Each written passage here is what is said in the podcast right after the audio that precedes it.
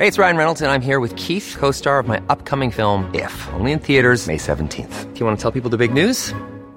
All right, I'll do. it. Sign up now and you'll get unlimited for $15 a month in six months of Paramount Plus Essential Plan on us. Mintmobile.com slash switch. Upfront payment of $45 equivalent to $15 per month. Unlimited over 40 gigabytes per month. Face lower speeds. Videos at 480p. Active Mint customers by 531.24 get six months of Paramount Plus Essential Plan. Auto renews after six months. Offer ends May 31st, 2024. Separate Paramount Plus registration required. Terms and conditions apply if rated PG. Cool fact a crocodile can't stick out its tongue. Also, you can get health insurance for a month or just under a year in some states. United Healthcare short term insurance plans, underwritten by Golden Rule Insurance Company, offer flexible, budget friendly coverage for you. Learn more at uh1.com.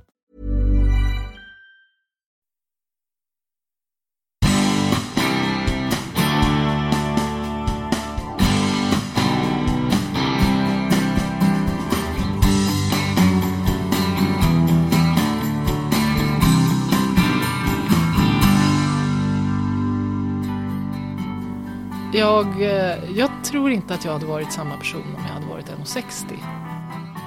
Aggressivitet är, är lika med ondska. Att, att det är att vara en dålig människa att uttrycka den typen av liksom, eh, ja, den typen av uttryck. Jag, eh, jag har ju körkort men jag jobbar ju nu hårt på att våga köra bil. här och nu som man säger alltid. Du ska vara här och nu. Ja, men vad fan, det är inte så lätt alltså. Många nya tjejer som kommer till Åsa Sandells boxningsklasser säger Jag skulle aldrig kunna slå någon annan. Svaret från Åsa blir Det vet du ingenting om. När Åsa Sandell var 28 upptäckte hon boxningen och gick all in. Som hon säger själv, hon bestämde sig för att ge vänhetens och vänlighetens tyranni en rak höger. Hon var helt enkelt trött på att inte våga ta plats, tänka på Jante och att ta hänsyn till alla andra. Men det här samtalet handlar inte om one-liners, uppercuts eller en småkriminell bakgrund. Det handlar inte ens om boxning, utan mer om vägval och hur det kan förändra ens liv. Det är reflektioner och tankar som inte knockar, utan snarare något som kryper in och lägger sig längst in i hjärnbarken. Så här kommer hon, kulturjournalisten som blev boxare och författare, Åsa Sandell.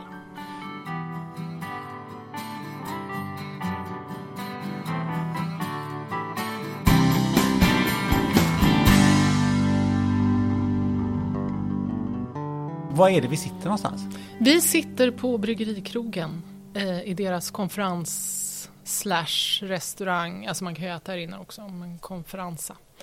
I eh, kvarteret Bryggeriet i Nora. I Nora. I Nora. Och där är ju en så här fin white guide krog. Som eh, egentligen drog, ja Veronica som eh, serverar oss fika eh, drog igång den här ungefär när jag och familjen flyttade hit för fem år sedan. Mm. Och det är också i det här området som jag har min lilla boxningsstudio. Böcker och boxning. Det är också om mina böcker. Men där jag tränar motionärer i The Noble Art of Self-Defense. Mm. Åsa Sandell, välkommen till podden Spännande möte. Tack så mycket.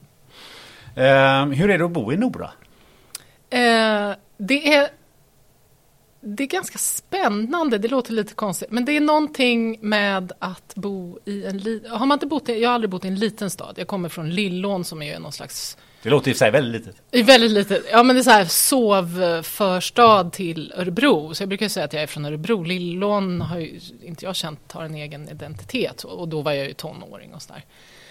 Eh, och sen har jag ju bott i Stockholm, Malmö, New York, eh, större städer. Och en liten stad är ju, är ju då spännande för det, det är nytt och det är andra typer av utmaningar och sociala relationer och um, ett samhälle som man liksom ska uh, förhålla sig till och uh, interagera med som är ja, men både lärorikt och spännande. Uh, och ganska roligt tycker jag.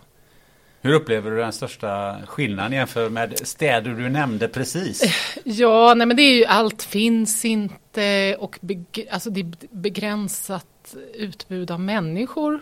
Eh, och man blir ju mer det är någonting som jag kanske inte hade tänkt på. Det här med att man blir liksom beroende av andra människor på ett annat sätt. Eh, sen finns det naturligtvis småstadsmentalitet och det finns väl jante och sådär. Men Nora har ganska bra självkänsla skulle jag säga. Många är liksom stolta över stan och det, det är ju en fin liksom, och turiststad och sådär.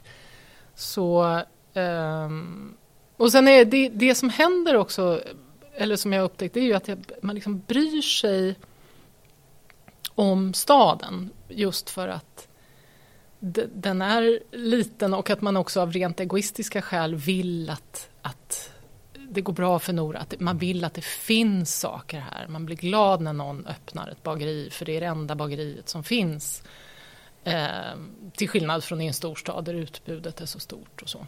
Eller som Bryggerikrogen. Eller Bryggerikrogen, ja, Där vi sitter förstås. nu och, och liksom fått sådär personlig ja. service. Mm. Och kaffe och kolakakor som vi får inte äta medan vi pratar. Ja, och en kaffekanna ja, som liksom har gulddetaljer. Ja, ja, det är väldigt ja, det, det trevligt. Är fantastiskt. Mm. Du, um, boxning har ju varit eh, en central del av ditt liv. Mm. Um, men jag funderar på lite när man, när man läser på om dig. Eh, så känns det som att eh, du liksom har, har haft ett liv och har ett liv. Det vill säga mm. att livet före boxning och livet när boxningen kom in i ditt liv så att säga. Kan man, kan man, kan man dela upp det så? Ja, jag, jo lite. Alltså jag tror att jag alltså, gott och ont har lite så här eh, att, att jag är i någonting och sen när det är klart så liksom måste jag ömsa skinn och gå vidare. Eh, vilket då också innebär att jag lämnar saker lite abrupt kanske. Eh, det kan också ha att göra med att jag, att jag då lite eh, har gjort våld på mig själv. Alltså att jag inte har varit fullt ut mig själv i olika sammanhang. Nu pratar jag kanske lite flummigt och lite långt tillbaka sådär. Att det, det har varit så sedan jag var yngre. Men box, alltså boxningen var eh, en besatthet och någonting jag måste göra och som eh, alltså har varit jätteviktig för mig på väldigt många sätt. Men som nu eh, Alltså många boxare är så här, ja, men det, man är alltid sugen på, även om man är liksom pensionär så är man ändå sugen på att gå upp och sparra och liksom eh, den är viktig på det sättet. Det är det inte riktigt för mig på det sättet. Um, men uh, jag tror att jag slag, alltså när jag boxades så var jag så här, uh, ja men jag, jag är ju boxare på riktigt, vilket jag ju var liksom. Vad, vad menar du med boxare? Ja men på boxare på riktigt, ja men det här att jag, ja fast du är ju liksom litteraturvetare. Eller så här, kulturjournalist. Jo fast nej, ja men jag är boxare. Men om vi säger så här, om man, om man gör den indelningen då. Um, någonstans där i 28-årsåldern bär du med eh, boxning. Mm. Men skulle du vilja beskriva den Åsa som var pre-boxning? Hur, vad skulle du säga då? Nej, men då skulle jag säga eh, försiktig, eh, väldigt osäker på vad jag ville eh, och väldigt rädd för att uttrycka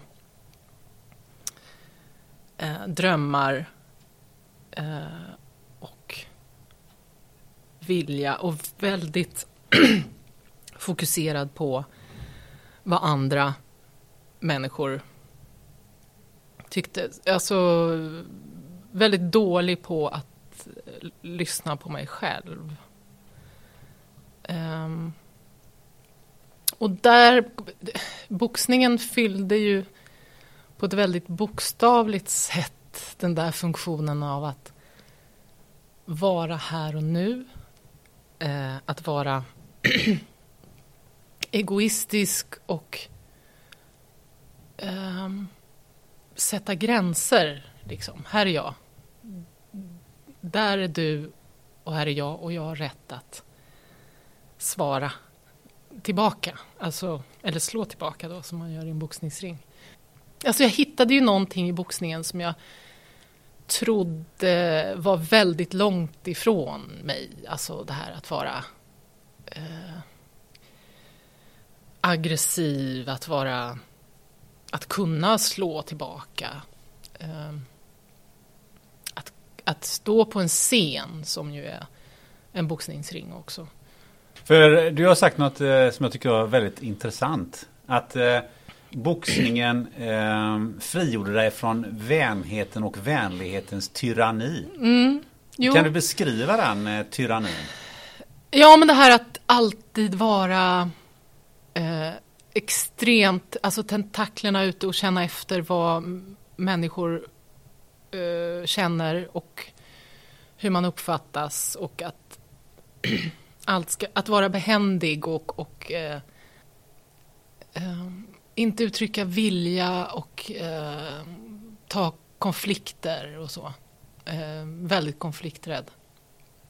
Och boxningen är ju ehm, är ju liksom ett fysiskt uttryck för att utmana allt det där. Och sen blir ju också konsekvensen när man då håller på med någonting som är så pass kontroversiellt som boxningen är. Det blir ju också då en, eh, en utmaning att stå upp för det eh, gentemot andra. Att inte vara lagom eller liksom eh, eh det finns människor som ogillar det man håller på med och sådär. Vilket också har varit nyttigt. Ehm, Men eh, följdfrågan blir ju lite sådär eh, hur, hur mår man i detta vänhetens och vänlighetens det, tyranni? Där mår man ju inte bra. Alltså, och jag ska inte säga att jag liksom har eh, lösningen på allt nu. Men jag, jo, men det är ju, det, man mår ju dåligt för att man inte man vet ju inte vem man är och vad man vill och, eh, och blir ju utmattad av att, att eh, lyssna på andra och inte på sig själv och sådär. Det är ju liksom en återvändsgränd att vara att vara alltför fokuserad på tillfredsställa andra liksom, eller andras känslor och, och sådär. Det är ju ingen som mår särskilt bra av det. Inte heller omgivningen. Men hur, hur hamnar man liksom i det där? Har du analyserat det? I, uh, I vänheten och vänlighetens Ja, det, det är ju väldigt... Alltså jag är väl... Uh, det har väl med uppväxt och, och så att göra. Alltså det här att vara uh, i ett ganska alltså konflikthämmat och, och um, omgivning och att vara en snäll flicka liksom. Uh. Konflikter tog man inte upp vid, så, vid middagsbordet då eller, vad, hur liksom, eller ska jag tolka det? Nej men det är det här att få att ha utrymme kanske att vara Ja men en, kanske en rädsla för ilska till exempel. Att, uh, för det, det, krävs ju liksom mod och utrymme att få få bli arg och att få liksom uttrycka känslor och sådär. Och det där var ju någonting som boxningen serverade. För många tror ju att, ja, men att har man ägnat sig åt boxning så är, liksom, är man en, en rätt ilsk typ. Och det kan ju vara precis tvärtom. Alltså att man, man har behov av att liksom, få utlopp för för känslor som man inte normalt visar och så. Men det är, det, det är dubbelt, för samtidigt kan jag känna att boxning är ju en sport. Alltså man, man behöver liksom inte patologisera det och liksom att, att, man, att det måste vara något fel för att man håller på med det. Men sen, sen har jag, ju, jag har ju skrivit om boxning, alltså det här att det är ju väldigt vanligt att man slåss mot någonting. Alltså det är ju, det är inte, boxning är inte som vilken annan sport som helst. Alltså det, det är ju vanligt att man har behov av att få utlopp för någonting, att man har eh, revanschlusta finns ju också för mig eh, definitivt. Alltså dels det här att jag, jag har, jag har ju Jag är ju, eller har varit en person som gärna gömmer mig. Alltså att gärna att någon annan tar ansvar. Alltså att jag har någon vapendragare som tar besluten. Att man har någon som man hela tiden förlitar sig på, tar, tar de rätta besluten, kanske, alltså även åt en själv. Liksom. Eh, och det kan du ju inte riktigt ha när du är uppe i en boxningsring. Liksom. Där, är du, där måste du ta ansvar för, för det du gör. Det finns ett uttrycksbehov också, tror jag, i, i att vara uppe i ringen. Jag tror att, att, att liksom visa vem jag är. Eh, att, att, ha, att ta plats också. Men eh, du sa revanschlusta. Vad, vad var det du skulle revanschera dig mot? Ja, mot att jag då känner att jag har liksom gömt mig. Jag spelade ju basket på elitnivå när jag var tonåring och hade talang för det. Men jag var rädd för att misslyckas.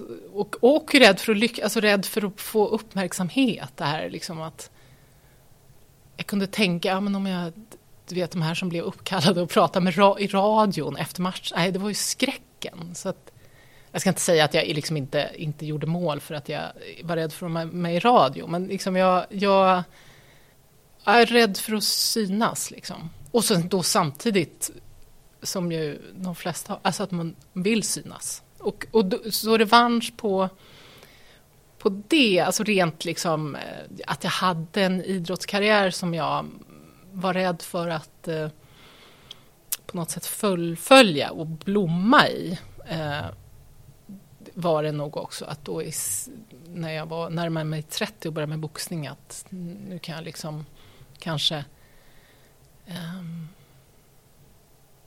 ja, ta revansch på den lite att, att våga ta den platsen. Men fanns det någonting eh, liksom i din uppväxt där någon sa till dig att eh, du ska inte ta plats?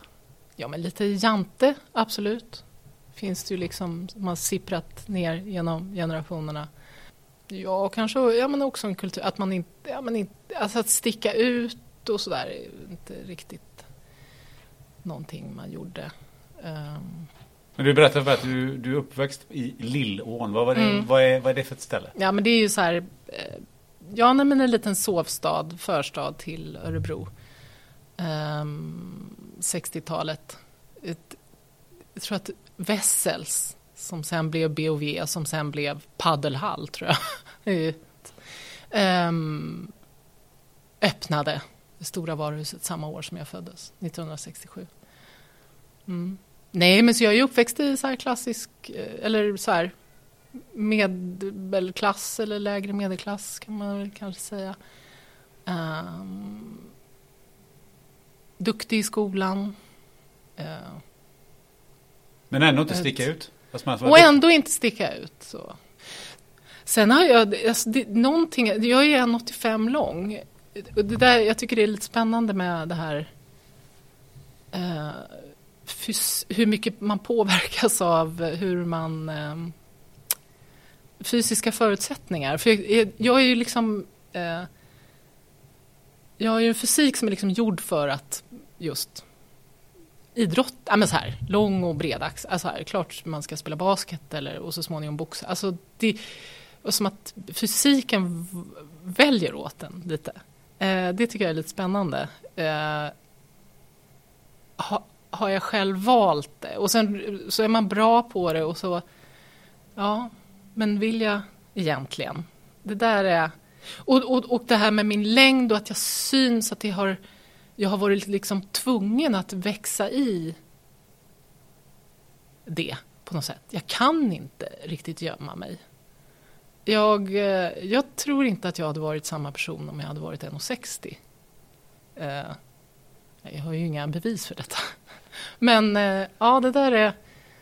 Um, tycker jag är lite spännande. Men eh, vilka var de andra familjemedlemmarna? Två storebröder. Så jag är lilla syster. Men eh, de, de fick in sig en rak höger då? då? Nej, jag har... Eh, nej, men de, mina bröder, allt, det ska, de har nog liksom tagit hand om lilla syster sådär. Ja. Så nej, men jag har ju inte, jag har ju aldrig slagit någon. Och du vet, så har man förträngt, så, så lyssnar någon på den här podden. Men det är någonting med alltså att, att rent fysiskt sätta gränser hjälper en ju att sätta gränser även eh, mentalt tror jag. Men hade du svårt att sätta de gränserna som när du växte upp? Ja, eller så har jag blivit en så, för att jag liksom, för, att gränser har blivit viktigt, att jag liksom är så här benhård med, alltså integritet är ju ett sånt där väldigt vackert ord tycker jag. Uh, och den är ju, kan jag ju också fundera på om jag håller för hårt på, alltså att jag är Vad betyder integritet för dig?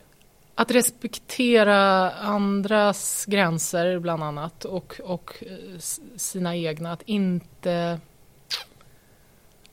liksom kladda runt för mycket. Jag kan ju, Vad är kladda runt? Ja, nej, men jag kan ju ha problem med... Jag är ju en sån här tråkig person som på Facebook. Där jag, jag är ju på Facebook och så kan jag liksom reta mig väldigt mycket på att det blir kladdigt. Att allt liksom man, att det är gränslöst, liksom, att allt ska ut där och sådär. Eh, samtidigt som jag själv då inte skriver någonting. Alltså, det är så här, jag är en sån här lurker kallar man det. Man liksom läser annat och så här. Så det där kan jag slåss lite med, hur mycket man liksom ska dela av sig själv. Eh, så. Alltså, sen blir det ju också, jag är ju så, det jag har skrivit, mina böcker är ju eh, personliga och självutlämnande skulle en del säga. Men för mig är det ju inte, och, och det kan ju vara liksom förstärka den här känslan av att man vill man vill inte lämna ut för mycket liksom utöver det på något sätt. Men när man skriver har man ju kontroll. Alltså man lämnar ju bara ut det man själv vill lämna ut. Jag, har du stort eh, kontrollbehov? Ja, det har jag. Absolut. Alltid haft? Eh, ja, det har jag nog. Tror, men jag har ju liksom inte definierat det så. Det är saker, vissa saker kommer man ju underfund med väldigt, väldigt sent. med vad som är, och vad som är, jag menar kontrollbehov är ju inte alltid bara dåligt. Det blir ju gärna ett skäl, åh vilket kontrollbehov. Att det är ju inte bara dåligt, men sen kan man ju naturligtvis, eh, det kan ju strypa mycket också. Alltså jag kan känna att det blir, det, det blir lätt att fastna i att man liksom eh, som när jag pratar om boxningen, att det eh, och det ledde till det. Och att det blir, alltså att man lätt hamnar i att, att jag liksom är rädd för att hamna i att jag liksom citerar mig själv. För att jag har sagt vissa saker så många gånger. Men jag, alltså det, det, det finns ju en sån också romantiserad bild på det här eh, att vara i en idrottskarriär och så där, och att det är så fantastiskt och att folk kan undra om jag liksom längtar tillbaka för man ser, för mig är det så här, ja fast jag mådde ju rätt dåligt, alltså det var ju rätt slitsamt liksom. På vad sätt då? Ja men det var liksom ekonomiskt, eh, för det är också en sån här myt att man tjänar pengar på boxas, det, det gör man inte, och att jag var eh, liksom ensam och Ja, och väldigt mycket i en eh, bubbla som var... Det finns ju en skön flykt i det där också. Att vara i den där bubblan, alltså att ha ett tydligt enkelt mål och, eh, och att jag också strävade så hårt mot att vara... Alltså jag beundrade ju de där som var mer tydliga att liksom vinna, eh, inte tänka så mycket. Alltså där eh, att, vara, att, att njuta av att vara boxare. För mig var det nog ändå mer, lite mer liksom, vad ska man säga? Lustdrivet men ändå med en underton av liksom nödvändigt ont kanske. Ja, för du har ju sagt det att boxningen var en sorts terapi. Ja, eller vägen mot kanske. Alltså en... För sen har jag ju gått i terapi också. Jo, men det är ju någonting med att jag... Alltså utifrån sett kan det ju se ut som att jag har gjort en massa saker, har jag förstått. Men jag, för mig så känns det som att jag har liksom gått runt och stampat och inte gjort någonting väldigt många år av mitt liv. Eh, och där boxningen var någon slags... Men... Eh, vad, vad sa du egentligen? Vi, Jo, men du sa, vi pratade om att eh, boxningen, att det var... Eh, att, det, att det var inte, inte bara var så himla enkelt. Och du, du, du sa också att det var någon sorts terapi. Vet jag, du har sagt att en, en fan så hård terapi. Vad, vad bestod den terapin i och vad, vad, vad var det som var hårt? Jo, men det jag sa förut, alltså det här att vara, att vara, att vara närvarande eh, och att följa någonting, lyssna på sig, alltså f, eh, hitta någon slags eh, passion kan man väl säga. Men också det här då att, att verkligen att få slå tillbaka. Alltså att och att ta plats. Och att få vara alltså helt omedveten om, om omgivningen ett tag. Eh, och att vara liksom ful, skitig och elak. Liksom. Sen blir det ju ett, det blir ett, det blir ett svårt att leva ett liv där man måste ha de kickarna för att känna att man lever. Jag har nog behövt det här att det är liksom extrema känslor för att jag ska känna mig levande.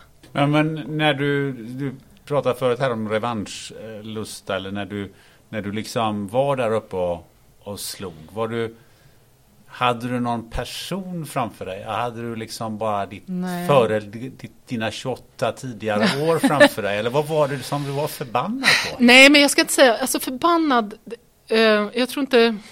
eh, Eller revanschera dig på? Ja. Eller du, du måste ju ändå varit, du vill uttrycka dina känslor. Ja. Vad var det du uttryckte dem för? Ja, det där är så svårt att svara på. Jag tror... Alltså det, det där är ju en sån här föreställning, att man går upp i ringen och är förbannad. Det är ju inte... Det där är också så spännande för att många boxare säger att nej men boxning har ingenting med aggressivitet att göra. Och det blir så här, ja fast vänta lite. Allting har ju med så. Det krävs ju i nästan all idrott överhuvudtaget. Du ska vinna, det krävs ju ett påslag liksom. Men eh, jag tror, nej men jag hade inte klart för mig vad jag liksom kämpade mot annat än mig själv. Vänder man på det så kan man ju också tänka sig att man går upp i ringen för att man inte tycker att man riktigt förtjänar att leva. Alltså den... Det, det, så var det väl inte för mig. Det tror jag inte. Jag prövar denna tanke nu. Ja, men den är intressant. Men Ja, det men finns ju definitivt, alltså det här att, att eh, det är ju därför man inte riktigt kan lita på boxare. Där och säga, alltså att det, är, det kan vara, det kan vara liksom lika destruktivt som det är konstruktivt så att säga. Men det, det normala, om man, nu, om man är inne på det spåret, Mm. så är det ju det, det är ju oftast eh, unga män Mm. som inte haft någon manlig eh, förebild. Nu generaliserar Mm, jag, det, det, det, det finns ett undantag. Men, men det är ändå så någonstans där. att Det är unga män som har haft, eh, en, inte haft någon fadersgestalt Mm, hemma. Som ofta hamnat någonstans lite på glid. Mm. Behöver inte vara kriminella, men lite på glid mer eller mindre. Och de blir boxare. Ehm, och då undrar man som, hur passar du in i den bilden? Ja, nej. Nej, men det, har, det är ju en av de sakerna som jag velat liksom utforska i den här boken jag skrev. Att jag, man kan bära på ilska även om man inte har tydliga, så tydliga motiv för, för det. Och eh, alltså vad ska man säga, min typ, alltså, eller det här eh, eh, den snälla duktiga flickan-varianten, den ser jag ju hos människor jag, jag tränar. Alltså den som jag själv var, det här eh, kvinnor som, som verkligen tänker att de är motsatsen till detta. Och att, jag, och att man också är skolad i att, att eh, aggressivitet är, är lika med ondska. Att, att det är att vara en dålig människa att uttrycka den typen av liksom, eh, ja, den typen av uttryck. Och så upptäcker man att det fin- man får en väldig kick av att, att ehm, befinna sig i den där kampsituationen. Så det finns den klysch- klyschan kan man väl säga ändå, den här eh, aggressiva unga mannen utan fadersfigur. Och, men sen finns det ju väldigt massa andra som kanske inte är lika vanliga, men som men någon slags ilska, tror jag. Men eh, jag tänker på att tjejer som du då, och som du nämner som, som kommer till ditt gym. Mm. Det låter lite som att det finns en annan orsak till den där ilskan än just att man inte haft en fadersgestalt. Nej. Finns det, finns det ett, både ett samhälleligt mm. och ett och ett så att säga mera lokalt eller mm. familjärt. Eh, kan det finnas en mix där? För mm. jag menar tjejer, det finns ju fortfarande någon, mm. någonting som säger att tjejer inte ska uttrycka sig på det sättet. Nej. Även om vi trots allt lever 2021. Mm. Kan du, kan, kan du relatera till det? Det tror jag. jag tror, men dels att man liksom förväntningar på eh, tjej och i synnerhet kanske Ja men just att, att liksom uttrycka starka känslor och i synnerhet då ilska eller liksom ta konflikter och sådär är farligt. Liksom. Och, och att man då på ett personligt plan har lärt sig att vara kanske anpasslig och lyssna på andras behov. Alltså inte, um, inte ta plats. Lite göra våld på sin person kanske var inte riktigt färdig med, kände jag, med, med eh, din, där, där du liksom uppväxt. Du sa att vi hade två, två bröder. Men du hade ju mamma och pappa också. Mm. Var, var, vilka var de? Pappa var, eh, eh, pappa lever inte längre. Han var, eh, jobbade på SJ. Började när han var 16 år tror jag. Gjorde karriär. Min mamma var eh, småskollärarinna från Småland. Det låter lite som traditionellt ja, på 60-talet sådär. Exakt, och så bygga hus då och vara sparsam och så äh, sparsamhet och komma i tid och äh, ja, så plocka bär. plocka så, bär? Plocka bär! Ja, men jag tänker på det när vi har flyttat till Bergslagen. Man liksom blev, nu är det så här, mm, plocka hallon är ju trevligt. Det tyckte man inte när man var barn, när man blev utdragen i skogen. Nej, och, så, och väldigt så stationär. Alltså vi eh, har bott hela min uppväxt då i Lillån. Flyttade. Ja, men jag hade ju... Jag hade ju och flyttade till Lund och började läsa på Lund universitet. Och, ja, och rest runt och sådär. Man gjorde... Samlade ihop, sparade pengar och reste långt och länge och sådär. Ja, för du, du, du spelar basket. Mm. Men hur länge då? Ja, tills jag var 19 kanske. Ja, gymnasietiden. Ja, precis. Och sen eh, stack jag från det och hade ju, jag hade ju ett starkt så här, driv att jag skulle iväg och bort och eh, reste. Eh, vad var det som lockade där? Uh, Eller vad var drivkraften? Ja, vad var drivkraften? Det var nog att, ehm, att det, det, det, ska man ju också, alltså det är ju så här, lite så här tidens eh, anda. Det var ju vad många gjorde då om man hade möjlighet. Alltså att man, man bodde hemma, jobbade på Vessels eller något och sparade pengar och sen kunde man åka långt. Eh, men det var ju eh, ömsa skinn, bli, ja, men det är också klass, alltså 20-årsåldern. Man, eh, jag eh, ville hitta mig själv. Det är ju klyschigt som tusan, men så, så var det ju. Men det här, det är, det är intressant det där med att resa. Jag har gjort jag var i Centralamerika och Kina innan eh, muren, eh, eller vad säger jag, innan himmelska, himmelska fridens torg och det där. Eh, och rätt strapatsrika resor och så. Ehm, det är väl också det är ju, var ju fantastiskt men också det finns ju en flykt i det också och, och det här som jag, det här med att man tror, alltså det blir en yttre rörelse som man känner, att det händer så mycket och det händer så mycket med en själv och eh, det där kan jag vara lite skeptisk till. Hur mycket händer det bara för att man förflyttar sig geografiskt? Om man ska vara lite...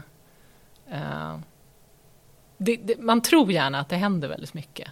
Men eh, jag vet inte. Det... Jag är inte säker på att resandet är den stora upptäckten av en själv.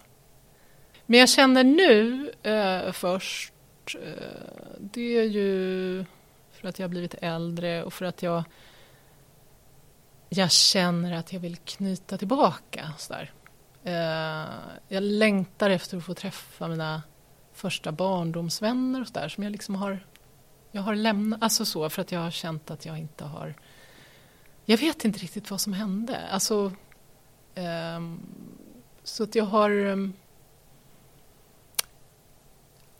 jag har ett starkt behov av att liksom få... Uh,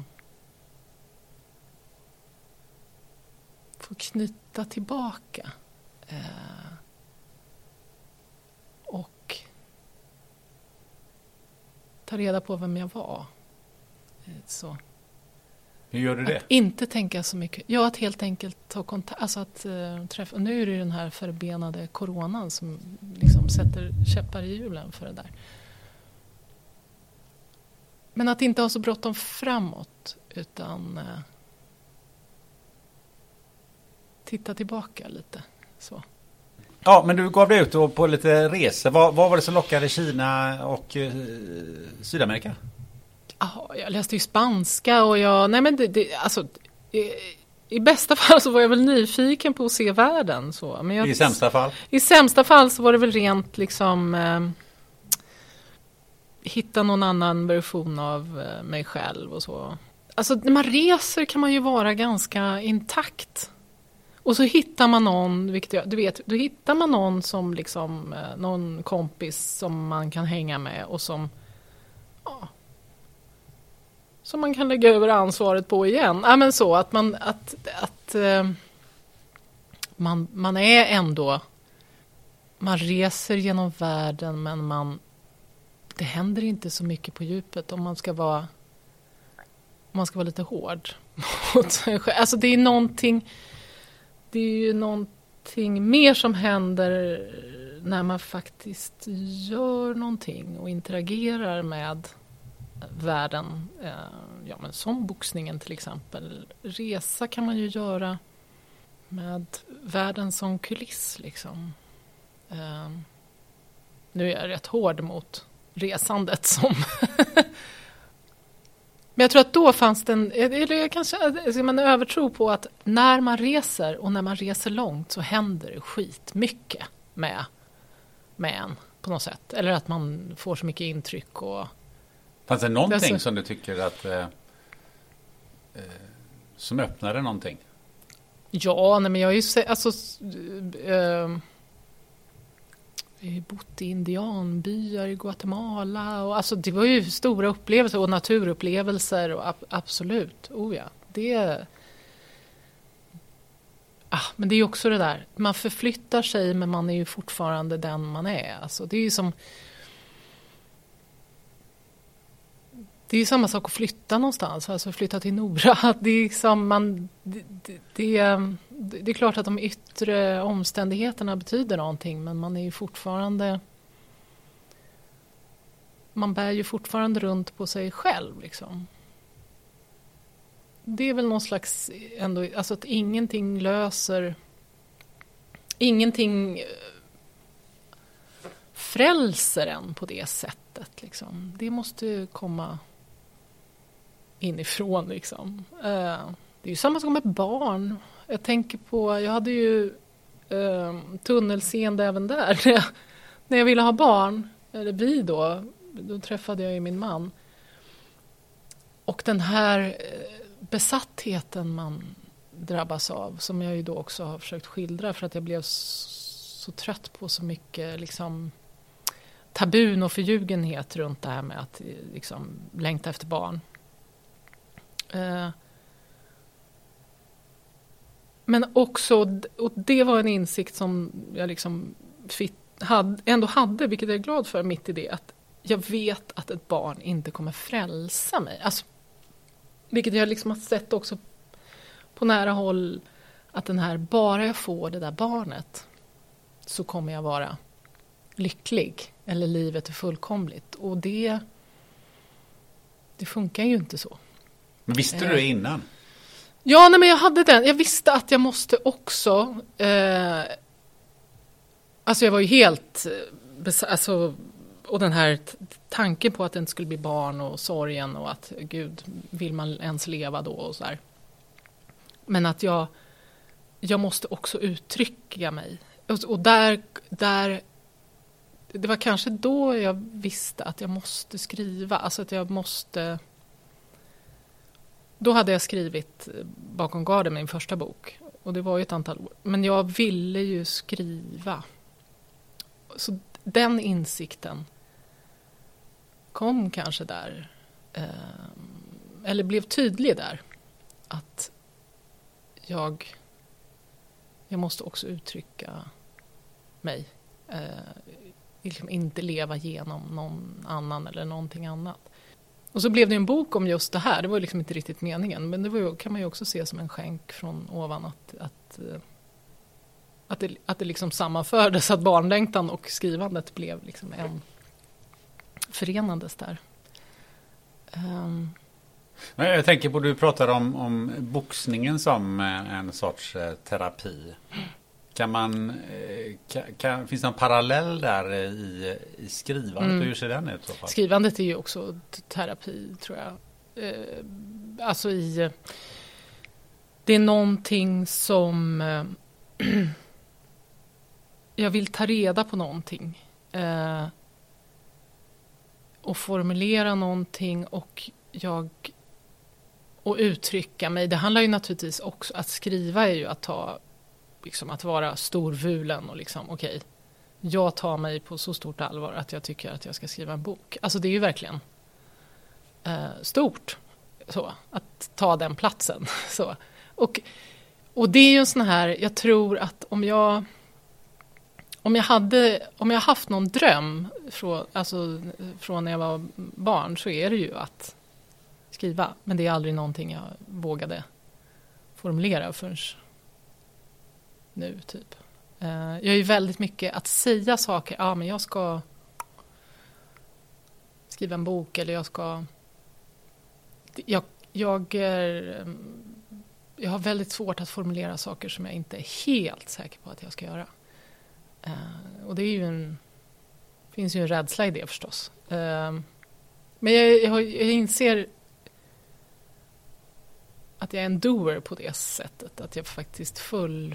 Eller nu för tiden, att jag full, fullföljer eh, saker. Och att jag också vågar, när jag skriver, att jag mer och mer vågar liksom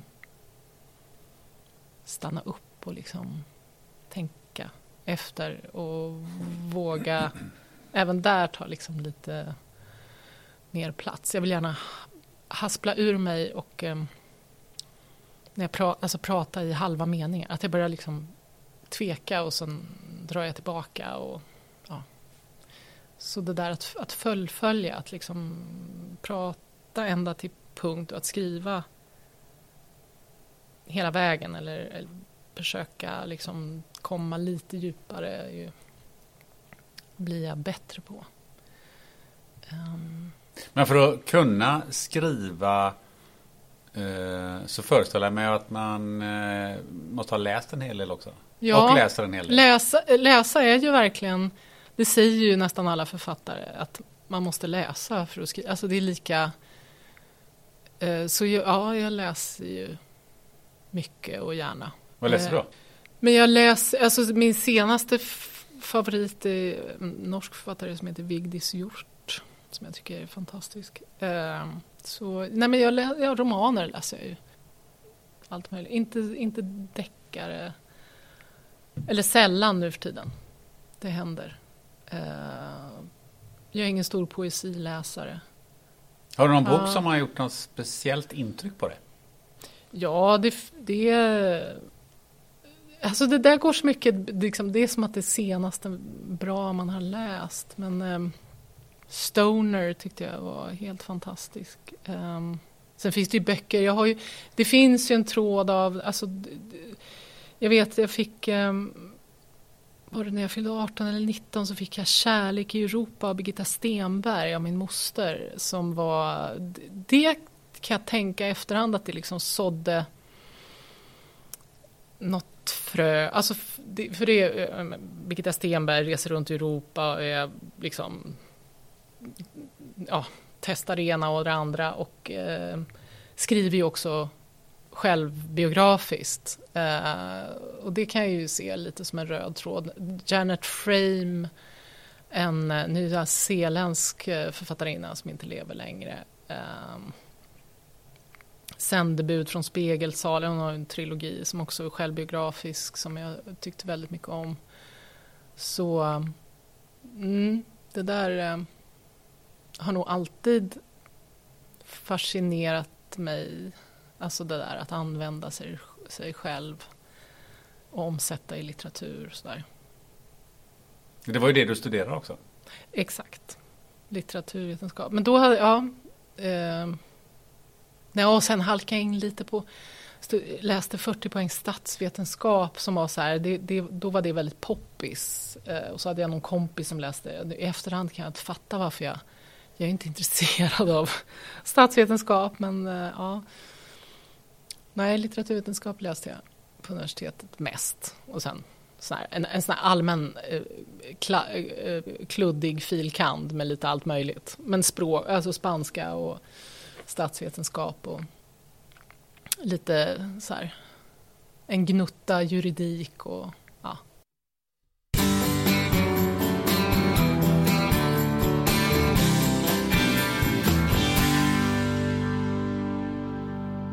Idag så har vi Peggy från Atrament Books med oss här i Spännande möten. Peggy berättar för oss, vad är Atrament Books? Atrament Books gör skiss och anteckningsböcker som är gjorda för att användas varje dag. Våra färg och materialval är inspirerade av den västsvenska naturen och dessutom så är det så miljövänligt tillverkade som det bara går egentligen. Med ett FSC-märkt eh, papper och noggrant miljöcertifierade tryckerier. Det låter helt underbart. Eh, finns det olika sorters böcker? Ja, vi har inbundna böcker med prickade blad och evighetskalender. Böckerna är klädda i snyggt eh, tyg i två olika färgvarianter och dessutom ett så här praktiskt läsband. Eh, sen har vi också en uppskattat, eh, ett uppskattat skissblock som många använder, väldigt flexibelt och lätt att riva ut sidorna i den. Lätt att riva ut sidorna, det är helt perfekt. Det kan man dela med sig till sina eh, kompisar. Eh, hur gör man för att skaffa de här böckerna då? Det gör man genom att gå in på atramentbooks.com. Man gör en liten beställning där, sen tycker jag att man ska använda koden Gunnar15. Då får man ju 15% rabatt på ett köp där. Så kommer böckerna lite som ett brev på posten efter det. Helt underbart. Gunnar15, världens bästa rabattkod.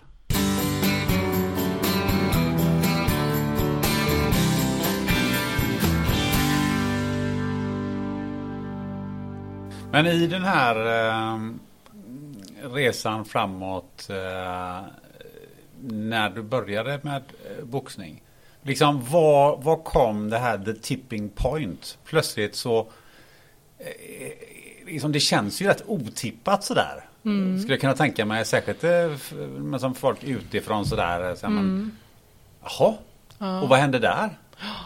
Vad, men, hur ser du på det själv? Men jag var ju rätt liksom, ja jag hade ju hade den här var väl klar på universitetet. Jag, eh, ah, jag översatte någon avhandling från spanska eh, och var sambo då i Malmö och, och vågade ju inte. Jag menar om jag hade, jag tänker att varför varför skrev jag inte då? Kan man tänka. Alltså så, jag, jag vågade liksom inte uttrycka mig riktigt på något sätt och då då kom väl boxningen som någon slags eh, jag testade ju det då och så blev det en, en värld som, som blev spännande. Ja, men var, eh, var, liksom, var kom det steget att mm. ja, men jag ska nog gå in och testa boxning? Ja, nej, men det var ren så här, jag hade, eh, jag hade nog inte idrottat på åtta, nio år liksom och var så här, du vet, jag rökte och jag Eh, det var, och det, var, det här är ju på 80-talet och då var det ju så här det var en rätt skarp uppdelning mellan att idrotta och att ägna sig åt kultur som kanske inte finns riktigt på samma sätt. Alltså att antingen eller liksom. Ehm, jag gick och testade och sen blev jag ju förälskad i, det, alltså i själva mm, träningen och att upptäcka, för jag, jag har ju en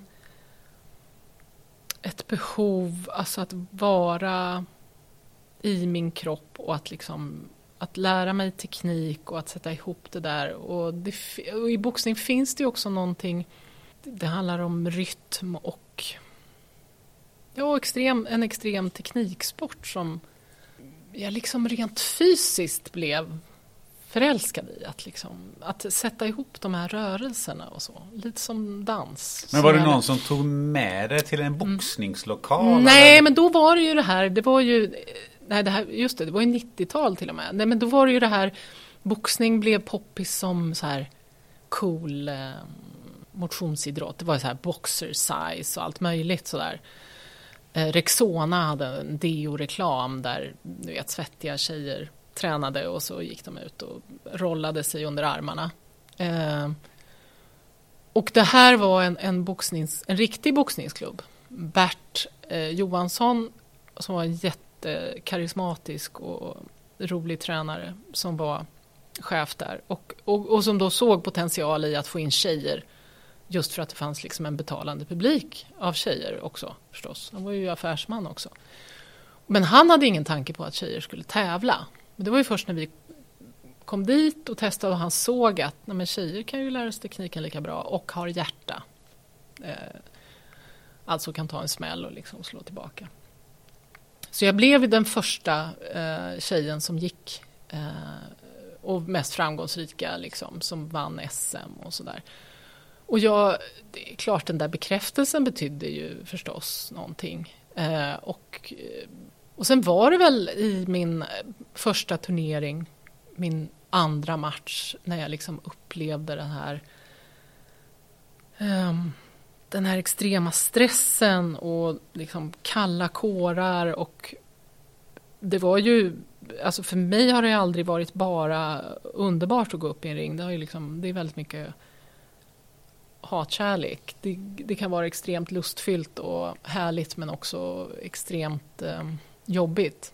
Och då, alla de där känslorna fanns väl i den matchen och jag jag, jag skulle definiera att det är liksom ungefär där jag känner att det här måste jag det här måste jag lära mig, det här måste jag utforska eh, på något sätt. Jag, jag vet inte hur medvetet var, men någonting, det här kan, kan jag lära mig mycket av. Och, och, och det här att det här kan jag bli, alltså jag vill, jag vill visa hur, hur bra jag kan bli på det här.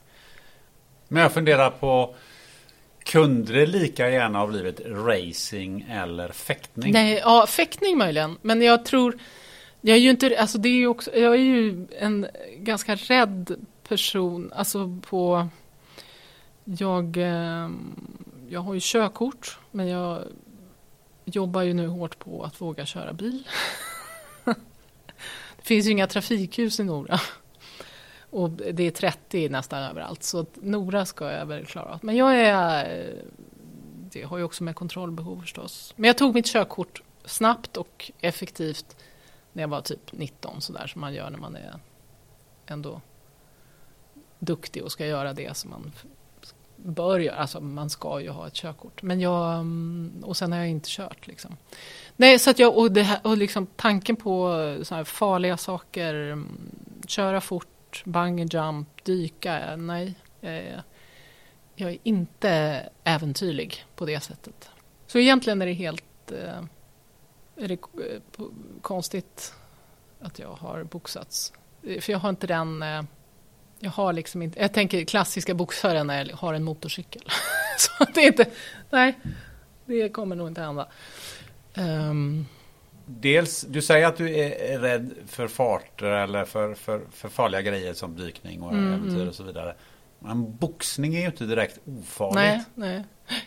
Men det var väl där jag, alltså här, nej nu jävlars ska jag testa någon, eller ska jag utsätta mig. Alltså, och det är ju, jag känner att jag lever. Alltså det är någon, en nyckel tror jag när man pratar boxning. Men ungefär samma sak säger en bergsklättrare. Ja, exakt. Eller knarkare kanske. Eller Nej men knarkare. så, att det är, man, man känner Eller att man lever. Eller en Ja, exakt. Eh, det... Men vad på vad sätt känner man att man lever i en boxningsring? Det har med fokus att göra och att man är så extremt pressad. Jag menar nu, nu för tiden pratar man ju om mindfulness eh, i tid och otid. Nej men det här att vara helt absolut närvarande. Vilket jag i och för sig inte lyckades med alltid, att vara fullt närvarande i ringen. Utan att tankarna flög iväg. Men i bästa fall bara, vilket ju i och för sig då förenar även alltså många idrotter, alltså att man måste ju vara fokuserad och närvarande. närvarande. Men det finns ju någonting, det är ju väldigt det tycker jag ju, alltså när det gäller, för mig är det ju liksom i, det är ju skrivandet. Jag längtar ju inte till ringen, men jag längtar ju alltid efter att ha, att vara inne i ett skrivprojekt. Där, som är mitt eget rum, som ingen annan är inne i. Och där jag är, har kontroll förstås. Och att jag är helt fokuserad och uppslukad det, det är eh, det är nog den högsta lyckan att vara att glömma sig själv. Alltså att, glöm, att vara totalt eh, fokuserad på någonting. Eh, att ha ja, ett eget rum liksom. Upplever det, man någon sorts eufori i samband med det? Ja, det kan man ju göra. Eh, Eller vad är det för känslor? Eller säg ja, att glömma själv, att glömma, inte vara självreflekterande. Det är man ju för sig när man... Fast när man är mitt inne i det så är man ju, så måste man ju... Om man ska kunna skriva så måste man ju också släppa det här, nej men vad ska det här vara bra? Alltså, eh, det kommer ju också, men att man ibland är helt, det här någon slags inre tvång. Alltså att det här måste jag göra och det här måste jag eh, uttrycka, kosta vad det kosta vill. Och att vara...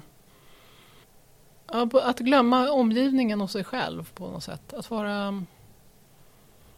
Det har ju också naturligtvis med närvaro att göra. Att vara um, här och nu. Så det, på det sättet så är det väl det jag söker. Alltså att jag har... Jag, det är svårt att vara här och nu som man säger alltid. Du ska vara här och nu. Ja men vad fan, det är inte så lätt alltså. Eh, och njuta av att vara här och nu. Eh, och fokusera på här och nu. Det är svårt. Jättesvårt tycker jag. Men när jag skriver är jag det.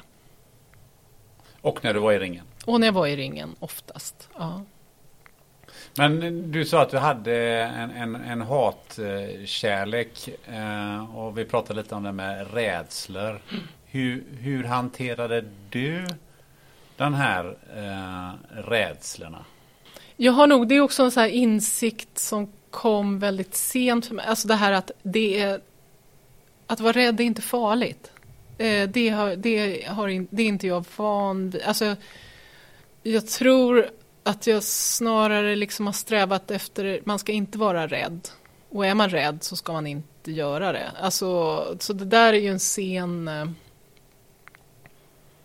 insikt och så, som jag kanske i alla fall i viss mån bearbetade med boxningen. Att liksom, ja det är läskigt, jag är rädd, men jag gör det ändå. Alltså, för det handlar ju om, det är så svårt att definiera rädsla. Alltså man är ju... Eh, Mike Tyson har ju sagt att alla som säger att de inte är rädda när de går upp i ringen ljuger.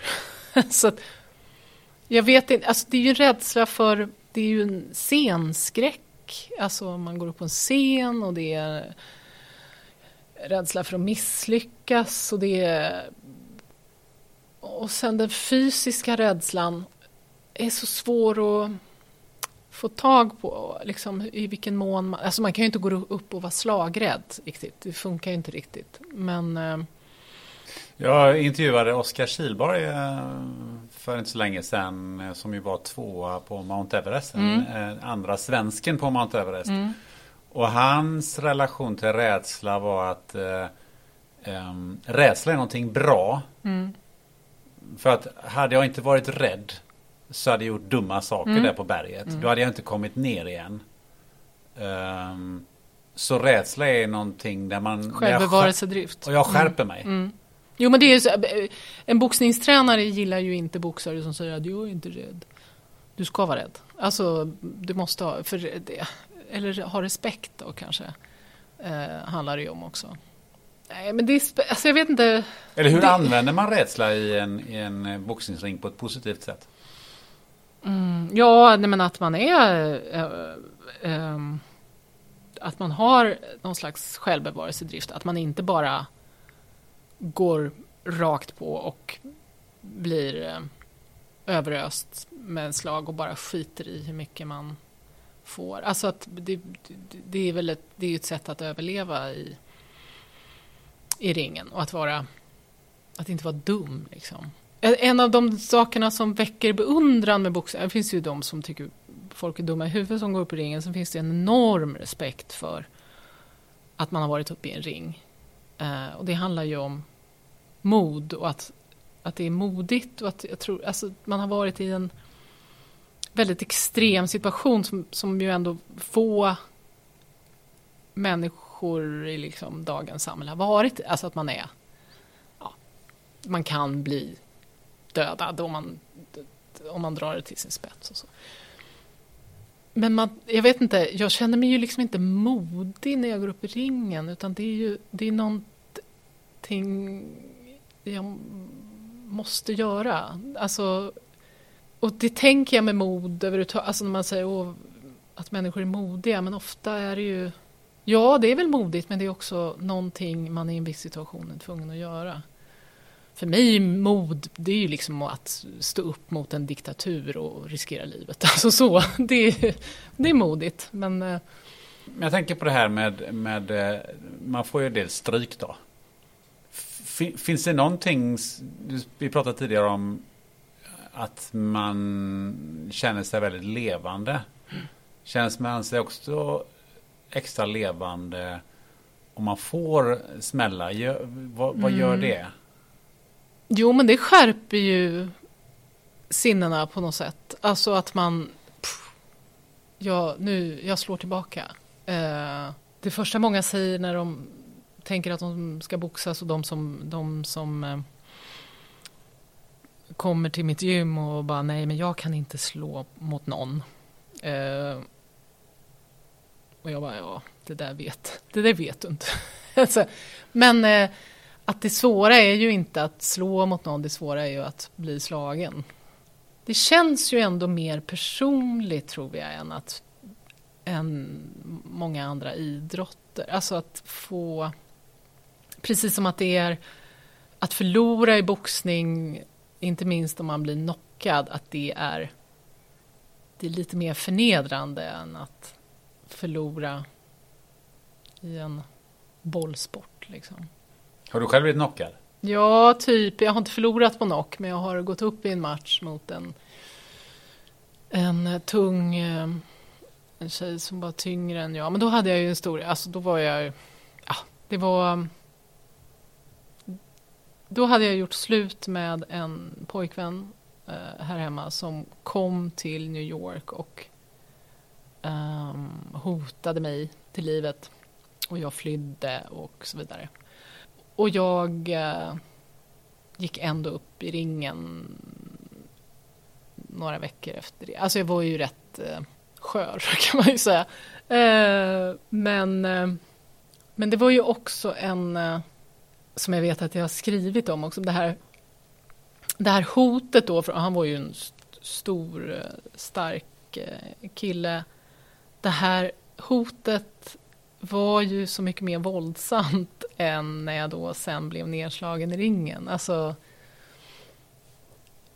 hotet om våld var ju så mycket mer eh, traumatiskt än vad ett liksom opersonligt slag eh, i ringen av en motståndare som jag inte har några känslomässiga bindningar till är. Men kan du beskriva, för det måste ju vara två helt olika rädslor. Ja, kan Nej, du men beskriva dem? så rädd, alltså de, den rädslan är... I ringen var jag mer uppgiven eller längtade bort. Alltså det här ho, att bli förföljd och hotad var ju en extremt obehagligt. Eh, och intressant på det sättet att jag liksom insåg att min första reaktion eh, var, jag gömde mig hos en kompis i Brooklyn, sov på hennes soffa, var att nej men hur är det med honom och hur mår han? Alltså den här klassiska, du vet, som man tänker, hur går det till? Den misshandlade kvinnan som bekymrar sig om hur han mår istället för att tänka på sig själv i första hand. Att, varför blir det så? För det har man ju hört talas om. ja, men det är ju ett, ett, en, en missriktad empati eller medberoende eller att man eh, sk- skuldbeläggande av sig själv och att man någonstans har någon skuld till det. Och det, jag, jag, det är svårt att, att förklara. Hur, hur, hur hamnar man där så att man hamnar i ett sånt här i ett sånt läge som man blir hotad till livet? Det gör väl ehm, alla möjliga människor. Eh, men ehm, ja, nej, jag vet inte. Det kräver ju en... ehm, jag tänker att jag... ehm, det ändå var en viktig eh, sak att jag vågade jag tror att jag kände att det här kan sluta med någonting som jag inte kan kontrollera men att jag ändå um, gjorde slut uh, och inte vek ner mig. Uh, att jag inte... Att jag ändå liksom höll, höll ut. Uh, att det var... Alltså det är ju... Man kan ju naturligtvis också bli så rädd så att man, man går tillbaka. Alltså, Det är ju många som gör. ja, och det kan jag förstå. Alltså, jag menar, om man, om man är... Eh, om det faktiskt finns ett hot om... Herregud, kvinnor lämnar ju män, bor på skyddade boenden, bor på många skyddade boenden. Och mannen hittar henne ändå till slut och slår ihjäl henne. Alltså det finns ju sådana fruktansvärda historier.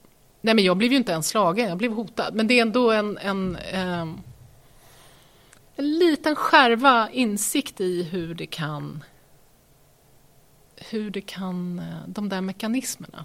Alltså, Men hur tror du att det här hade slutat om du eh, inte hade varit inne i den boxningskarriären, den vändningen som du gjorde? Nej, men jag tror att när jag boxades och... Eh, alltså jag tror att jag, jag, jag... Det fanns en väldigt... Eh, när jag fick smak på boxningen att jag då också kände att det här är... Jag vill, eh, jag vill vara fullt ut boxare och jag vill eh, bort med allt som är liksom för självreflekterande och för... Ehm, jag liksom tog avstånd från min intellektuella sida. Att, nej, det är inte jag. Det fanns en, en väldig längtan efter att vara mer som, som några av de boxarna jag kände och som den här pojkvännen. Alltså in, liksom, tuff och rak. Och eh, inte vara så där svår att hålla på och tänka för mycket och så. Eh, så det fanns det fanns den längtan och jag eh, det, och det handlar ju också om att jag inte riktigt visste vem jag var. Och jag var boxare men jag var också, jag var också andra saker. Jag sökte mig till till raka eh, som jag uppfattade tydliga människor. Det gör jag väl fortfarande. Alltså jag gill, alltså, men det behöver inte vara hårt. Men just att eh, en viss tydlig, alltså att man inte mm, inte säger en sak och menar en annan. Men jag tänker på f- frågan jag ställde där och är, är, är svaret att ja, jag hade förmodligen aldrig träffat den där killen om jag inte hade Nej, börjat det med hade- boxning. Är det det du försöker Ja, säga? kanske. Att, jag, att det var en del av... eh, Ja, det är svårt att säga, men det ingick nog i min boxaridentitet, att han förstärkte det eller att han också var um, på något sätt tillhörde den världen eller jag sökte någonting som var kanske lite farligt och att jag, mm, jag, jag har beskrivit det som att jag liksom vill, ha R. Alltså så här att jag har levt, att jag har att, att äh, återigen känna att jag lever. Alltså att det skulle vara det var ju också en, en konfliktfylld relation, alltså att jag jag mådde inte särskilt bra i den relationen. In, inget våld eller så, men ändå um, konfrontation liksom, känslomässigt. Och det, jag tror ju att man använder ju ganska ofta alltså relationer för att liksom försöka mejsla ut vem man är. Och det tror jag var en del av det. Alltså att, eh, nej men jag har nog eh, historiskt sett, alltså att andra människor ska liksom förklara för mig vem jag är. Och då tänk, det tänkte jag nog kanske att han också skulle göra på något sätt. Du sa det här med, eh, med R eller att mm. liksom, man ska se på det att man har levat. Låter ja. ju lite, nästan lite självskadebeteende. Ja, absolut. Ja, det kan man ju tycka. Ja, jag tror inte riktigt att jag har Uh, men ja, nej, men en beundran för alltså det här tydlig, tydlighet. Ty, tydliga är tydliga liksom tydliga demoner, ty, tydliga levnadsregler och um... Here's a cool fact. A crocodile can't stick out its tongue. Another cool fact you can get short term health insurance for a month or just under a year in some states. United Healthcare short term insurance plans are designed for people who are between jobs, coming off their parents' plan, or turning a side hustle into a full time gig. Underwritten by Golden Rule Insurance Company, they offer flexible, budget friendly coverage with access to a nationwide network of doctors and hospitals. Get more cool facts about United Healthcare short term plans at uh1.com. There's never been a faster or easier way to start your weight loss journey than with PlushCare. PlushCare accepts most insurance plans and gives you online access to board-certified physicians who can prescribe FDA-approved weight loss medications like Wigovi and Zepbound for those who qualify. Take charge of your health and speak with a board-certified physician about a weight loss plan that's right for you. Get started today at plushcare.com slash weight loss. That's plushcare.com slash weight loss plushcare.com slash weight loss. Hi, I'm Daniel, founder of Pretty Litter. Cats and cat owners deserve better than any old-fashioned litter. That's why I teamed up with scientists and veterinarians to create Pretty Litter. Its innovative crystal formula has superior odor control and weighs up to 80% less than clay litter. Pretty Litter even monitors health by changing colors to help detect early signs of potential illness. It's the world's smartest kitty litter. Go to prettylitter.com and use code ACAST for 20% off your first order and a free cat toy. Terms and conditions apply. See site for details. Ja.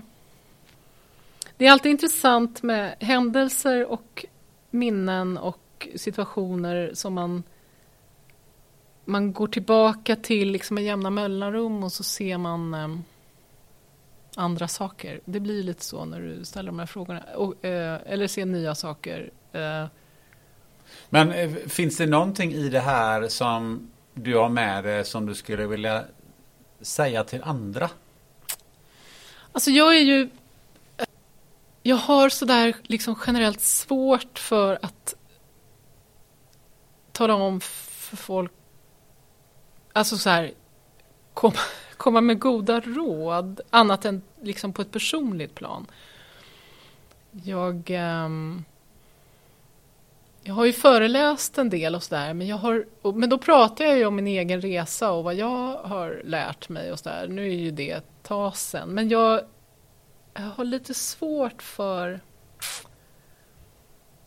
det här, ja, tala om för andra vad de ska göra. Jag kan tänka mig ja. att det är svårt också. Ja, Eller? för alla är olika och har olika erfarenheter och sådär. Men... men, uh, men om, vi, om vi gå lite tillbaka till det här med, med eh, boxningen. För någonstans var den ju eh, slut. Mm. Om jag förstår, förstår jag det rätt att, eh, att det fanns ju en viss besatthet i, Mm. i det här som du höll på med, boxningen. Och sen, eh, hur kommer det sig att den tog slut? Ja, dels var jag ju 40. Så tiden var ju liksom utmätt. sen kan jag ju, sen har jag ju kollegor som är 45 och håller på. Men jag, exakt varför jag kände att jag var klar. Eh, ja, dels var det det här att jag, jag eh, blev med barn. Jag hade ju en relation med min, ja, en slags hemlig, med min tränare. Jag, och jag började längta efter barn. Och jag, ja men jag kände mig klar. Och exakt varför jag gjorde det Eh, svårt att säga. Men jag har nog alltid känt att tiden inom boxningen är liksom, det är en det är en utmätt tid. Dels för att jag började så sent men också för att jag hade kanske någonstans har vetat att det kommer någonting efter. Ehm, sen tror jag att det kanske började liksom ticka på någon slags... Att jag hade börjat kliva ur ringen och titta på den utifrån. Och då kan man ju inte längre boxa. Alltså, Medan jag boxade så var jag ju helt allergisk mot tanken på att liksom skriva om boxning eller göra det till konst. Alltså jag hade ett väldigt starkt behov av att ta avstånd mot allt liksom sån här kulturmänniskor som ska hålla på med boxning och så. Kanske för att det låg lite för nära mig. Men sen gick det ju väldigt snabbt när jag klev ur att jag började reflektera och, och så kom det där att jag måste ut med det här. Jag måste mm, skriva om det. Och då var jag kvar i New York och så började jag skriva. Och då gick det ju rätt snabbt. När jag började reflektera och skriva så lämnade jag ju boxningen. Och det var väl också ett sätt att försöka förstå vad, vad och varför. Och, um, men fanns det en annan besatthet som tog över? Vi hade en besatthet i boxning. Fan, Mm. vad, vad tog över där? ja, det var barn då. Längtan efter barn. Men som också men det är också då som jag sa förut, alltså insåg att jag också längtade efter att, hit, alltså att skriva. Att jag hade... Eh, och den här... Och tvivlet då på kan jag... Har jag något att säga vid sidan av boxningen? För det här var ju så safe att jag hade... Jag menar, på ett sätt var liksom boxningen en, en någon slags genväg eller senväg snarare, alltså till skrivandet för då hade jag, jag hade något unikt att berätta. Um, och vilket gav mig rätten att skriva en bok. Eh, så sen famlade jag ju ett antal år efter att återigen kanske inte riktigt våga liksom uttrycka det ens fullt ut för mig själv. Att det, här, det är det jag vill liksom göra. Men eh, men jag tänker på, du sa att nästa besatthet blev, blev barn då. Mm. Hur, hur, hur, hur kom det hoppet från boxning och sen kom ja, men sen, Barn? för att jag, ja, för att jag var ju i 40, 40 plus och ska man, och så har man liksom hört de där eh, varningarna ut med liksom sen några år tillbaka att ja, ska du ha barn så får du nog. Jag bara, men skit i barn. Alltså, jag har inte tid. Eller jag, jag håller på med det här. Och att insikten att det- hur ska det gå till? Alltså, nu är det bråttom liksom. Uh, men barn är en väldigt tråkig besatthet just för att du har så lite kontroll över, eller ja visst, du har ju kontroll, alltså att du kan göra IVF-behandlingar och ditten och datten, men eh, det är ju... Eh, eh, nu känns det ju så eh, otroligt länge sedan. Det är ju nio år sedan snart som eh, vi fick eh, vår dotter. Eh, men det känner jag nog faktiskt tacksamhet över varje dag. Att det, att det blev så. Um, Fast jag såg i någon, något tv, det var i, i eh, någon morgonsoffa mm. och sånt där. Liksom, nästan uttryckte ett, ett, ett hat mot mm. Eh, kvinnor ja. som var gravida. Alltså Absolut. Alltså innan du ja. själv fick barn. Jo, men det var så mycket. Jag tycker, alltså jag ville skriva någonting som det hade ju kunnat vara en roman lika gärna. Alltså den är ju rätt dramatiserad. Men eftersom jag ändå liksom var offentlig och så, så hade det blivit konstigt att döpa mig till något annat. Men, men just det här att sätta ord på allt det där förbjudna, allt det där, den här, eh, det här tunnelseendet och, och var, var sätter man punkt liksom? Nu när möjligheterna är så stora att liksom försöka och försöka och försöka. Och, och all okunskap runt eh, barn att, eh, och hur länge man kan bli gravid och sådär det, det är... Eh, och just de här förbjudna känslorna. Alltså det, här, det är skitjobbigt att se andra kvinnor gå runt och vara gravida. Jag kunde inte... Ah, det är olika, men jag tyckte det var svårt att unna andra den lyckan. Um, så... Ja, men det är väl också... Alltså, det fanns väl beröringspunkter där mellan liksom att återigen skriva om, om starka förbjudna känslor. Liksom. Eh. Hur kommer det sig, eller har du funderat på var den här driften kommer ifrån att man absolut vill ha mm. barn. Det är ju inte du som är, du är inte ensam om att, att tänka så säkerligen. Nej men det försökte jag ju också, vad är det, vad är det liksom? Är det, är det konventioner att man, men, eh, att man man ska ha barn för att det är det man liksom, det är normalt. Uh, nej, men det närmsta jag kom tror jag att en, en, en, en, liksom, en drift som man har svårt att kontrollera. Sen finns det naturligtvis eh, det, det, men det där får man ju försöka bena i vad, vad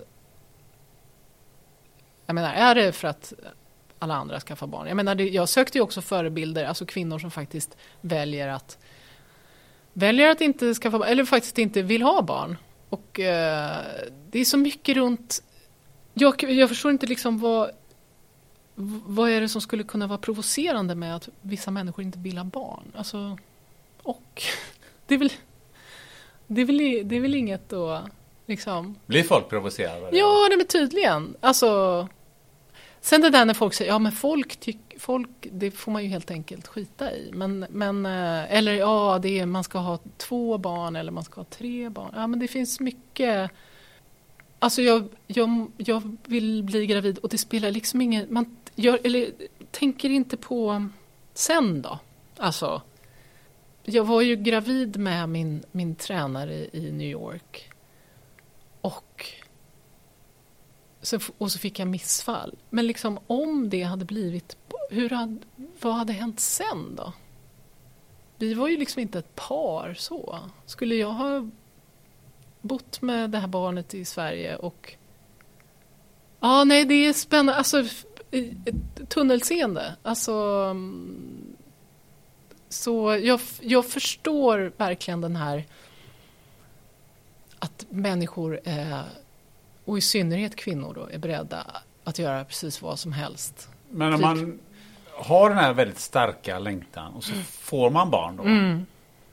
Um, vilken risk finns det att man blir um, ja. överbeskyddande ja, ja. och uh, alltså försvarar det här barnet eh, till Absolut. överallt och, och packar in det i vall? Har du funderat över det? Ja, ja, oh ja. Jag, jag tror faktiskt inte att vi är det.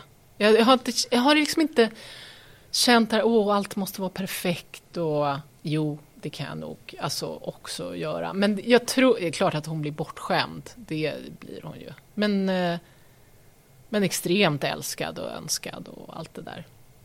Men jag, jag, absolut, jag har eh, tänkt på det och jag har ju sett det, alltså det här att man, man är lite äldre och man får det där barnet och eh, eh klemar, klemar loss. Men så, jag tror att man får vara observant på det. Liksom. Jag tror inte att det är... Ehm, jag tror inte vi är extremt så i alla fall. men... Um, nej, men sen finns det ju...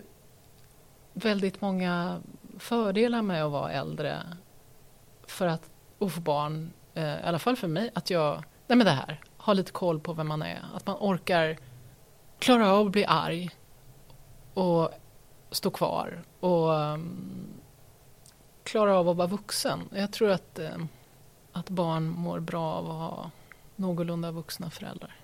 Ja, vad, vad tänker du, vad, vad gör du eh, eh, så att hon får, får den uppväxten eh, som, som du vill ge henne och kanske eh, undviker de sakerna som du själv tyckte, tycker eh, var dåliga i din egen? Ja, nej men att um, att få bli arg.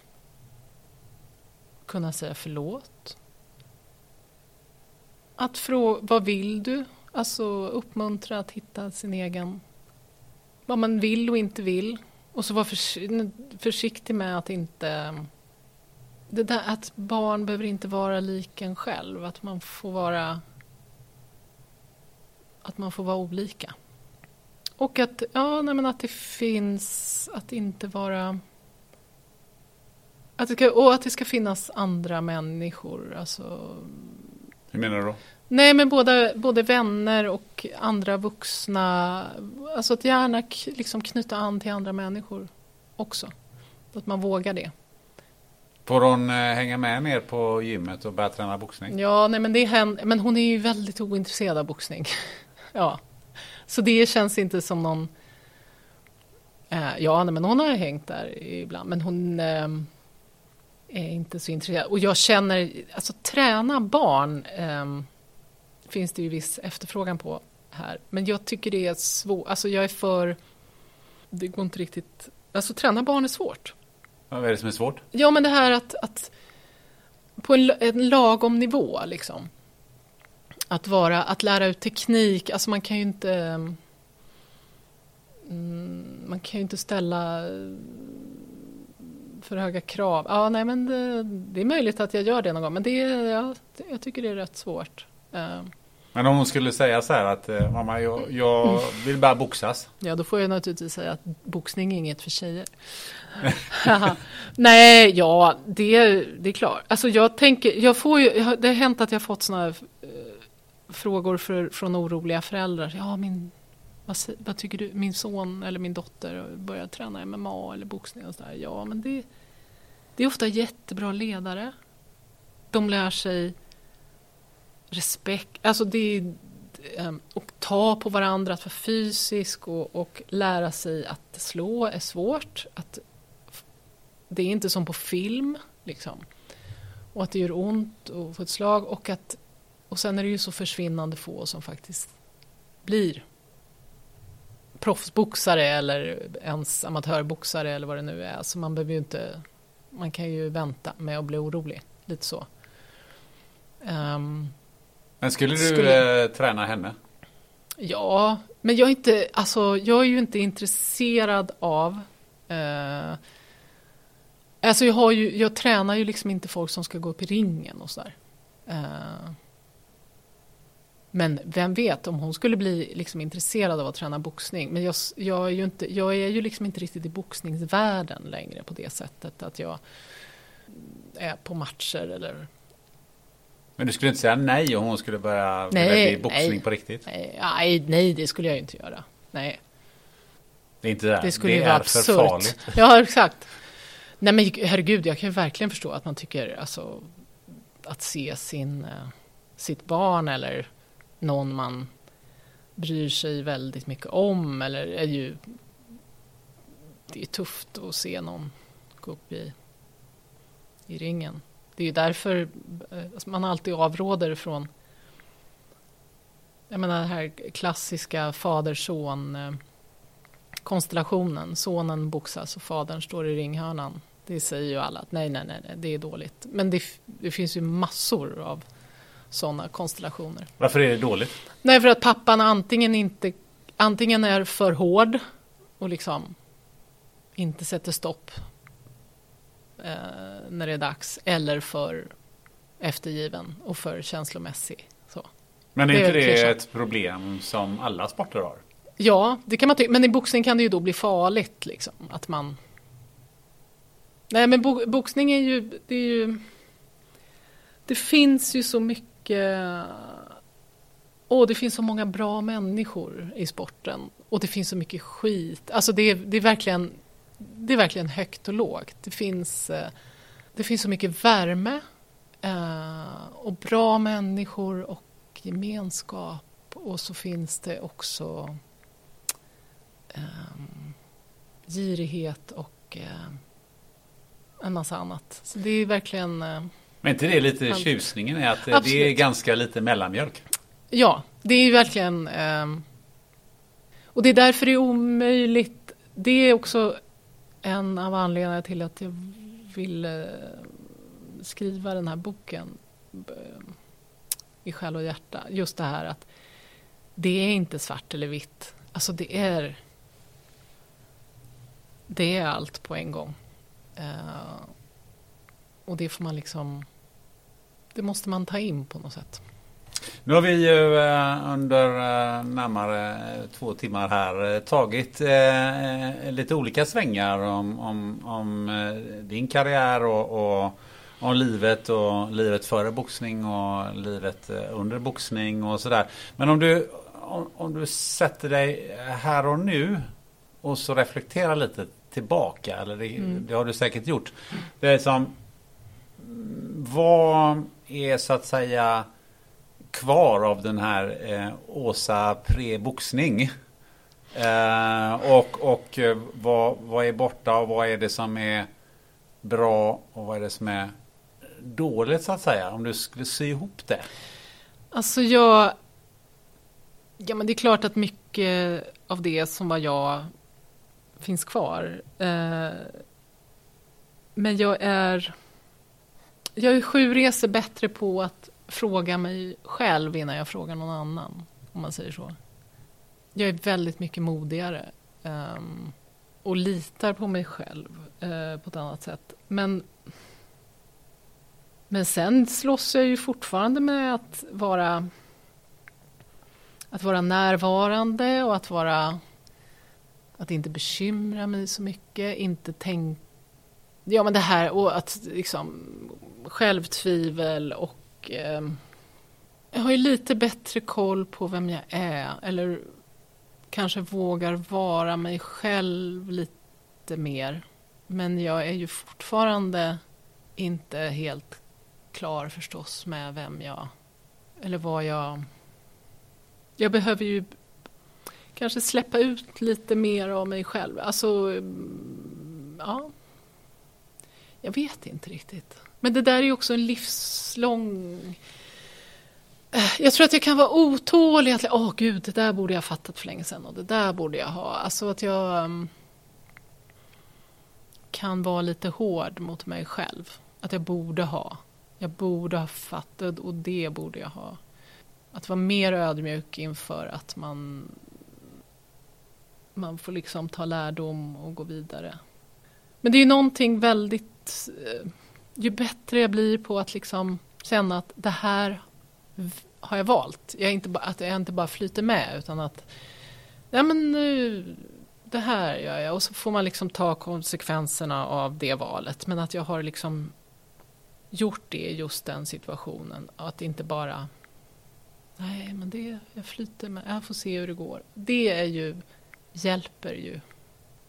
Men du, du har ju eh, gjort 11 proffsmatcher i boxning, vunnit EM-guld, SM-guld, eh, ett världsmästarbälte, skrivit ett antal böcker. Mm.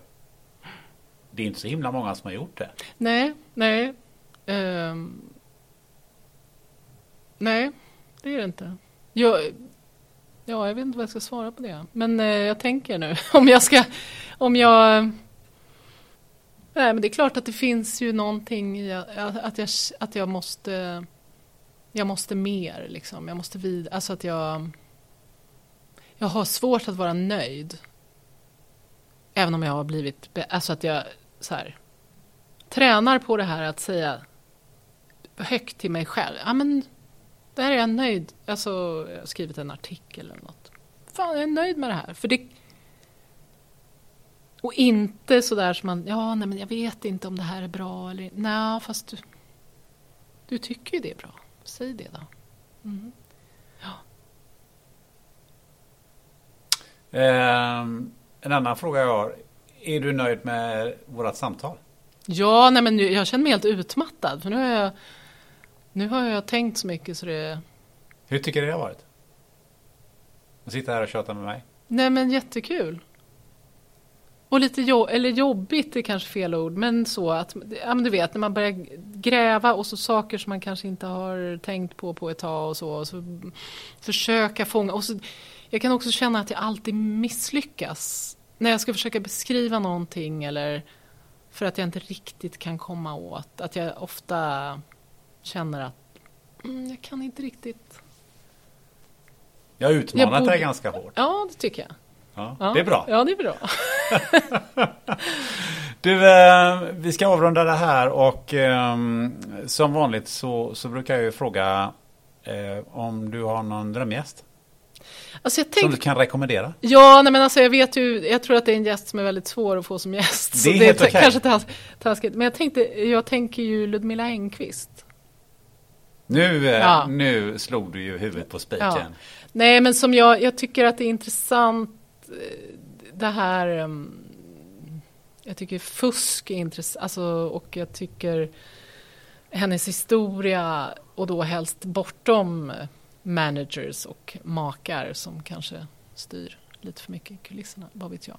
Men eh, ja, på andra sidan, men liksom Ja, det hade varit intressant. Jag kan bara säga så här, Ludmilla, hör du det här? Så är det dags för eh, en, eh, jag har faktiskt redan tänkt på detta, en trilogi. Mm. Intressant. Det här är eh, min eh, drömgäst i den här podden. Är det så? Ja, det är så, är det. så är det. Eh, Huvudet på spiken. Eh, va- Ja, jag sa det. Mm, Det är huvudet på spiken. Så att eh, där... eh, verkligen. Mm. Så att nu är vi två som skriker. Så att vi får hoppas det. Att, det det att någon, någon gång eh, komma dit hem. Mm.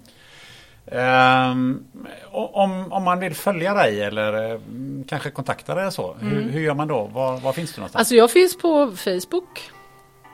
Eh, Asa Sandell tror jag. Ja, och sen finns jag på Instagram. Asa Sandell Bocker och boxning.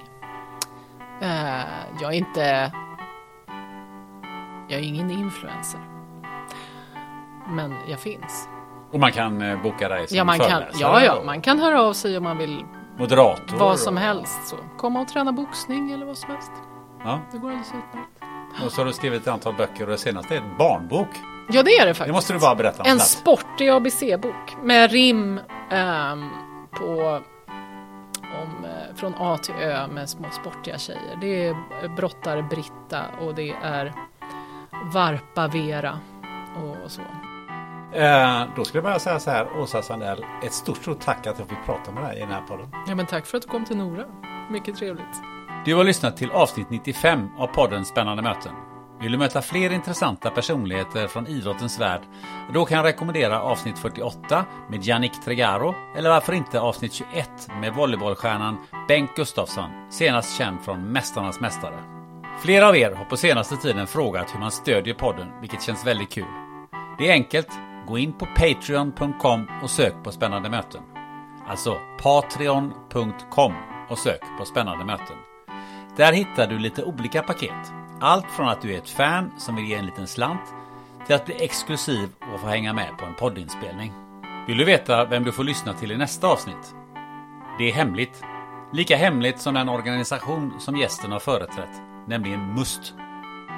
Numera är hon Head of Security hos organisationen Kvinna till Kvinna. Är du nyfiken? Googla. Vad gör du till dess? Du tar något gött att dricka tillsammans med en vän och funderar på om must har något med julen att göra. Ha det gött!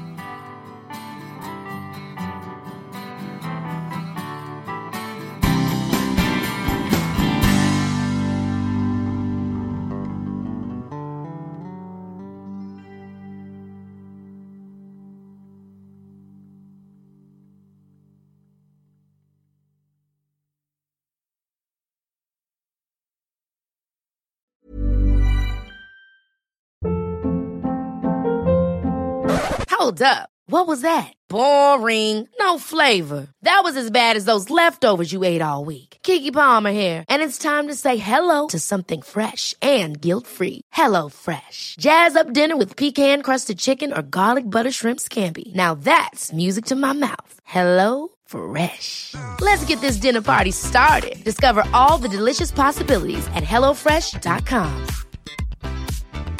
Hi, I'm Daniel, founder of Pretty Litter. Did you know cats tend to hide symptoms of sickness and pain? I learned this the hard way after losing my cat, Gingy. So I created Pretty Litter, a health monitoring litter that helps detect early signs of illness by changing colors, saving you money and potentially your cat's life. Pretty Litter is veterinarian developed, and it's the easiest way to keep tabs on your fur baby's health right at home. Go to prettylitter.com and use code ACAST for 20% off your first order and a free cat toy. Terms and conditions apply. See site for details.